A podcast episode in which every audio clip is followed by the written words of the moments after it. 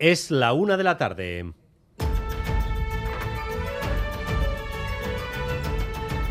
Crónica de Euskadi con Dani Álvarez.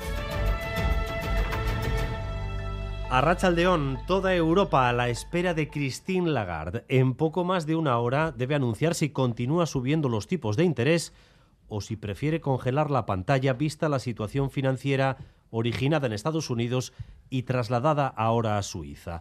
Si no sube más los tipos de interés, será una manera de decirnos que las cosas no están seguras y que mejor freno de mano. Si los vuelve a subir, se interpretará que Europa no cambia de planes a pesar de esta incertidumbre. Bruselas, Amaya, Portugal. Pocos querrían estar hoy en el lugar de Christine Lagarde, que quizás se esté arrepintiendo de haber adelantado en febrero que iban a subir los tipos de interés otro medio punto hoy. Ahora, si mantiene la subida, los mercados pueden interpretar que actúa con negligencia, pero si no hace lo que dijo que iba a hacer casi con total seguridad, el Banco Central Europeo puede transmitir que la situación es muy grave y alterar los mercados igualmente. Más importante que lo que anuncie la presidenta hoy será cómo lo anuncia, cómo pinta el futuro próximo y hasta qué punto hay consenso entre los gobernadores de la entidad de Frankfurt. Esta intriga por lo que pueda hacer el Banco Central Europeo, unido al rescate suizo, al Banco Credit Suisse, han introducido unas horas de impasse en las bolsas. Pero tenemos una señal.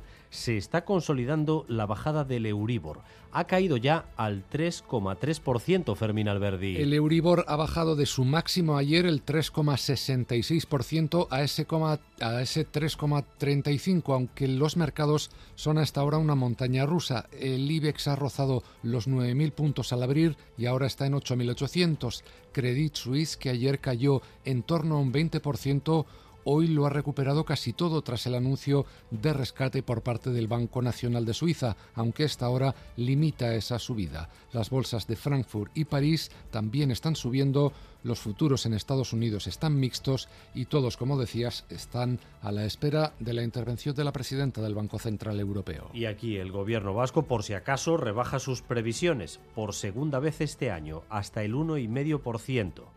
Azpiazo.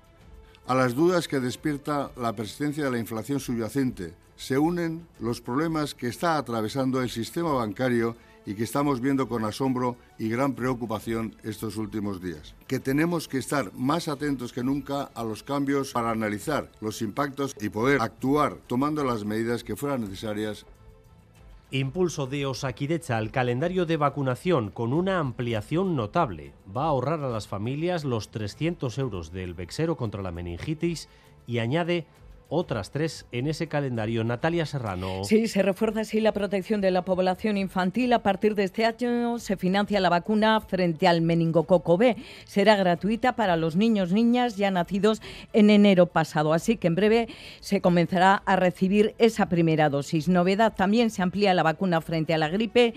Se incluye a menores de entre seis meses, cinco años. Además, se va a administrar por primera vez la del papiloma humano a niños de 12 años hasta el momento solo se administraba a niñas y no es nueva, pero frente a la polio se añade una dosis más a los seis años. Atención también para la población mayor, las personas que cumplan 65 años en 2023, este año, recibirán una vacuna nueva, la vacuna frente al herpes zóster.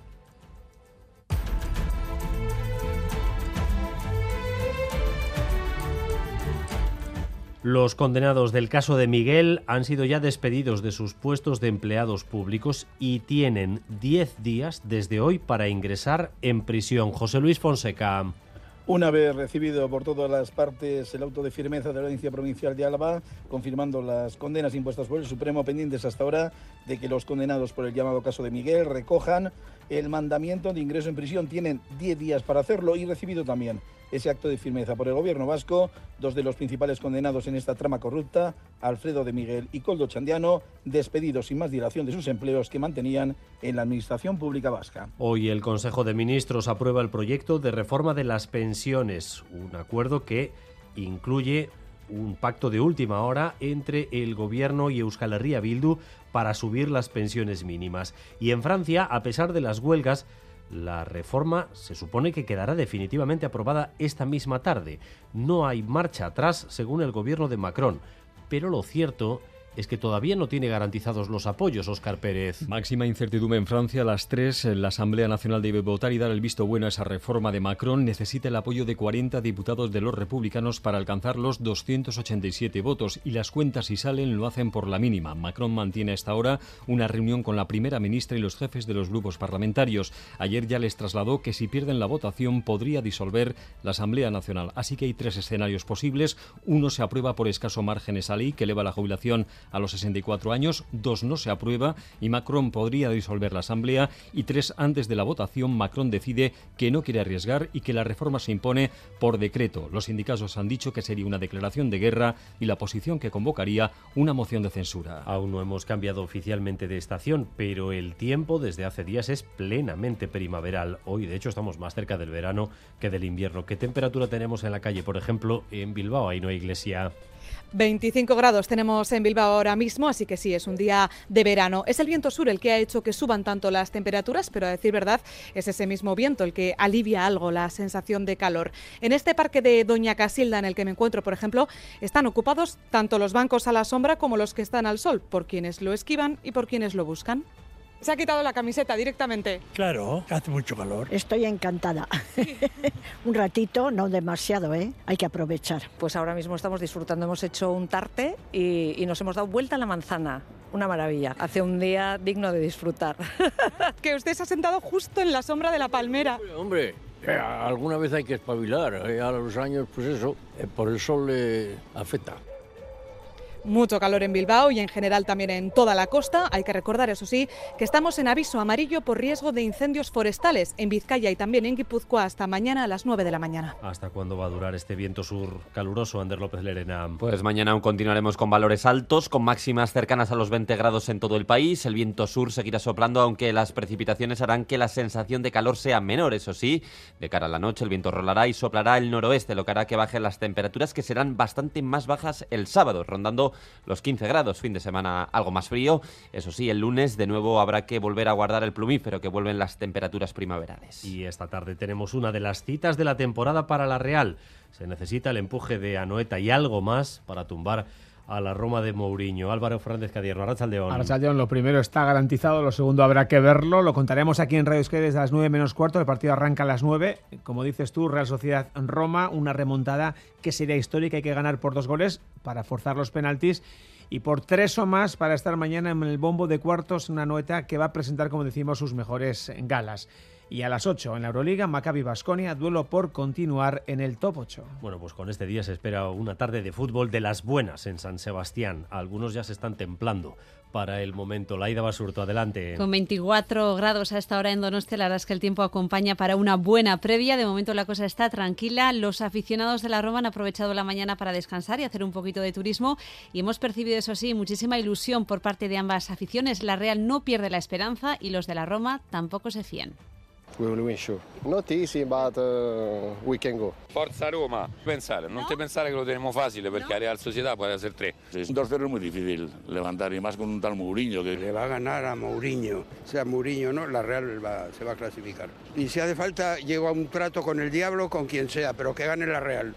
En Grossensaues muchos hosteleros han decidido no abrir por precaución. 2.000 romanos imponen, pero de momento lo decimos, ¿eh? la ciudad está en calma. Se espera más ambiente a partir de la tarde, que es cuando los romanos se van a concentrar, se van a reagrupar, primero en Sagües, después en torno al Real Arena y es también el momento en el que los guipuzcoanos saldrán del trabajo y de clase. Así que mucho ambiente se espera esta tarde por aquí en Donosti. El día lo tiene todo para que la Real dé una tarde de esas de memoria para la competición europea. Y en Bilbao, de nuevo, el Guggenheim presenta nueva exposición, Oscar Kokoschka, un rebelde de Viena. Se trata de una retrospectiva dedicada al artista austriaco, uno de los representantes más importantes del arte europeo del siglo XX.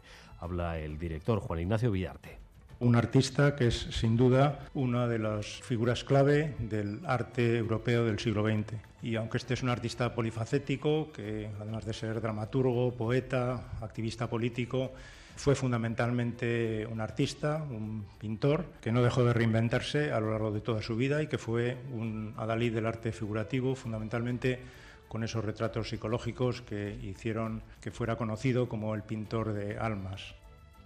Gracias un día más por elegir Radio Euskadi y Radio Vitoria para informarse. Raúl González y Jorge Ibáñez se encargan de la dirección técnica, a Itziber Bilbao de la coordinación. Crónica de Euskadi con Dani Álvarez.